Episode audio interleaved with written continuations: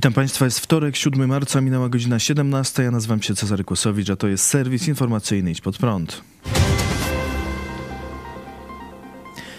Poseł Jacek Kurzępa jeszcze cztery lata temu błagał szefa kancelarii premiera o ratunek finansowy. Teraz obraca setkami tysięcy złotych. Michale, pozdrawiam, gratuluję Twojego wyniku. Ja zaś wypadłem z Sejmu. Jestem do dyspozycji. Może uznasz, że warto gdzieś mnie zaangażować. Nie ukrywam, że kredyt hipoteczny zżera wszystkie moje pobory z uczelni. Zarabiam tam zaledwie 5200. Kredyt to 3200, zatem szukam ratunku.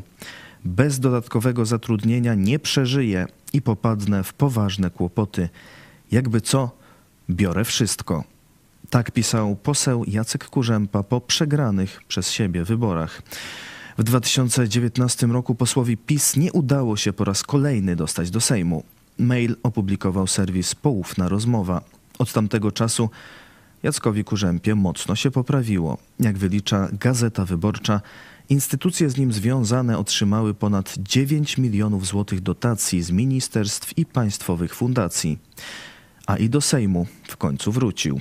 W styczniu 2020 roku wszedł na miejsce Władysława Dajczaka, który został wojewodą.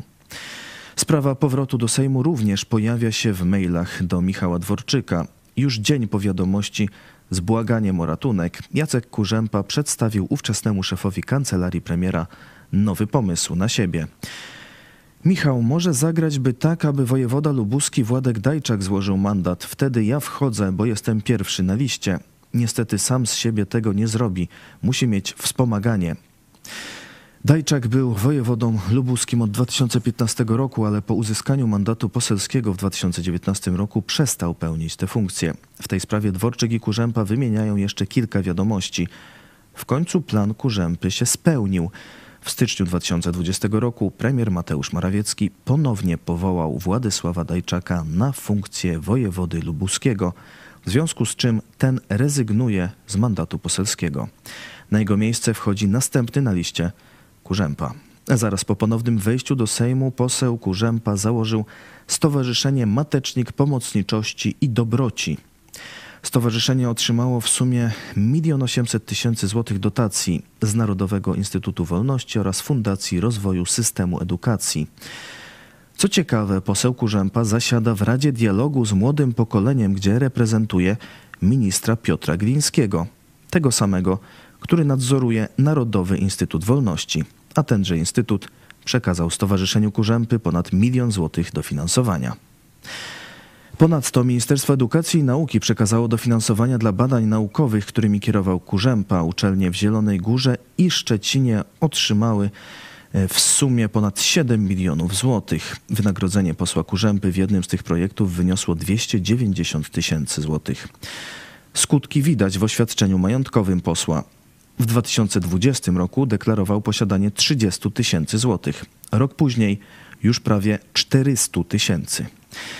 Akademia Nauk Stosowanych w Szczecinie otrzymała z Ministerstwa Edukacji 4 miliony 600 tysięcy złotych na projekt Interdyscyplinarna i komparatystyczna diagnoza postaw i zachowań współczesnej młodzieży w wielowymiarowej analizie cyklu życia w perspektywie indywidualnej, wspólnotowej, socjologiczno-psychologiczno-pedagogiczny portret polskiej młodzieży 4.0. Kurzępa koordynował ten projekt, za co miał otrzymać 290 tysięcy złotych. Kolejne dofinansowanie 3 miliony na badanie na zlecenie Uniwersytetu Zielonogórskiego z udziałem doktora habilitowanego Jacka Kurzępy. Interdyscyplinarna i komparatystyczna diagnoza problemów wtórnych wyłaniających się w postawach i zachowaniach współczesnej młodzieży w konsekwencji pandemii koronawirusa COVID-19 w perspektywie indywidualnej i wspólnotowej. Tak nazywa się tenże projekt. Oprócz Kurzępy w zespołach badawczych obu tych projektów brał udział jego asystent Paweł Kopeć, wiceprezes Stowarzyszenia Matecznik Pomocniczości i Dobroci. Sprawę dotacji badały posłanki Krystyna Szumilas i Katarzyna Lubnauer, które wystąpiły do Najwyższej Izby Kontroli o kontrolę, a do CBA o zbadanie oświadczenia majątkowego posła Kurzępy.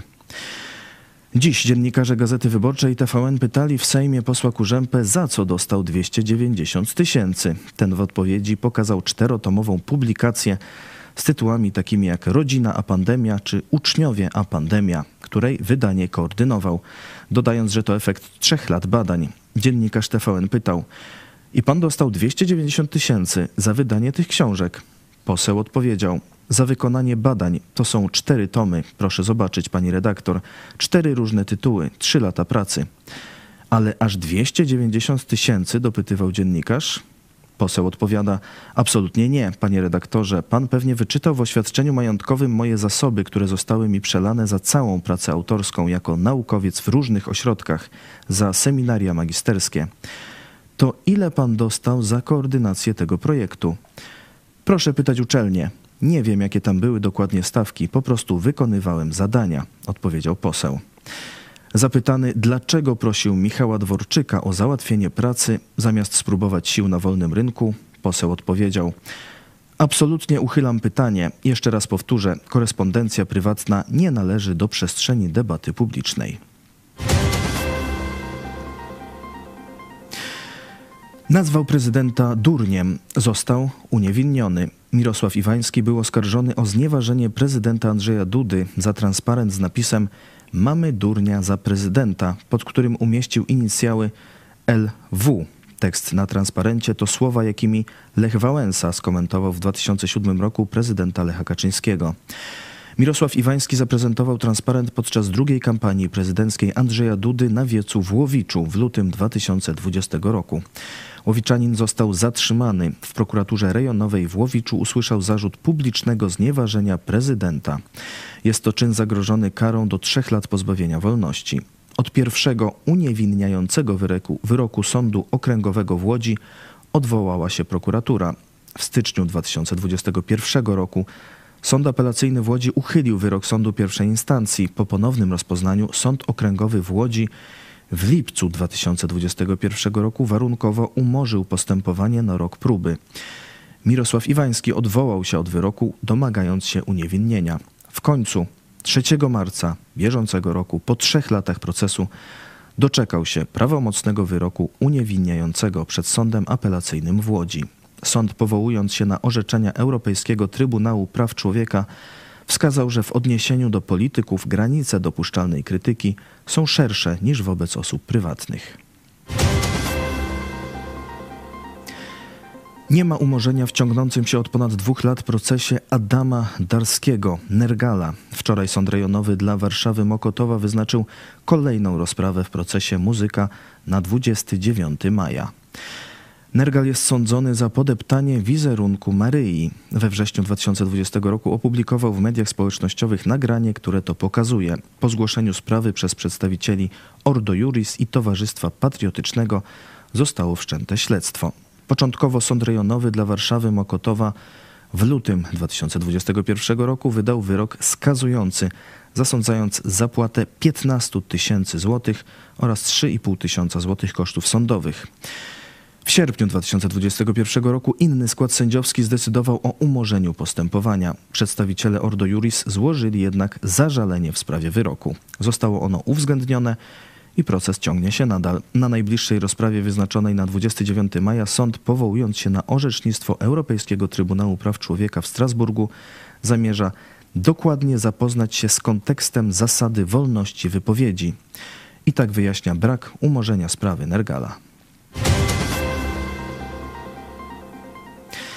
Japończycy zapłacą za okupację Korei Południowej. Rząd Korei Południowej przedstawił wczoraj plan dotyczący odszkodowań dla Koreańczyków za czasy japońskiej okupacji w latach 1910-1945. Jak wskazał minister spraw zagranicznych Korei Południowej Park Jin, według nowego planu rekompensaty będą wypłacane obywatelom przez rząd południowo-koreański za pośrednictwem fundacji. Środki na ten cel mają pochodzić z dobrowolnych darowizn, a nie z egzekwowania od japońskich firm prawnie zasądzonych odszkodowań, jakie południowo-koreańskie sądy nałożyły wcześniej na takie firmy jak Mitsubishi Heavy Industries czy Nippon Steel. Rząd Japonii pozytywnie przyjął to rozwiązanie jak podaje agencja Kyodo, wyda zgodę, by japońskie firmy mogły dokonywać dobrowolnych wpłat na finansowanie planu przedstawionego przez Koreę Południową. Jednocześnie Tokio podtrzymuje swoje stanowisko, że sprawę odszkodowań dla Koreańczyków ze strony rządu Japonii całkowicie i ostatecznie zakończyło porozumienie z 1965 roku. Obecne porozumienie między Koreą Południową i Japonią pozytywnie przyjęły Stany Zjednoczone. Jak skomentował amerykański sekretarz stanu Antony Blinken, Seul i Tokio są dwoma najważniejszymi sojusznikami Stanów Zjednoczonych i jesteśmy zbudowani pracą, jaką wykonali, by posunąć naprzód swoje dwustronne relacje.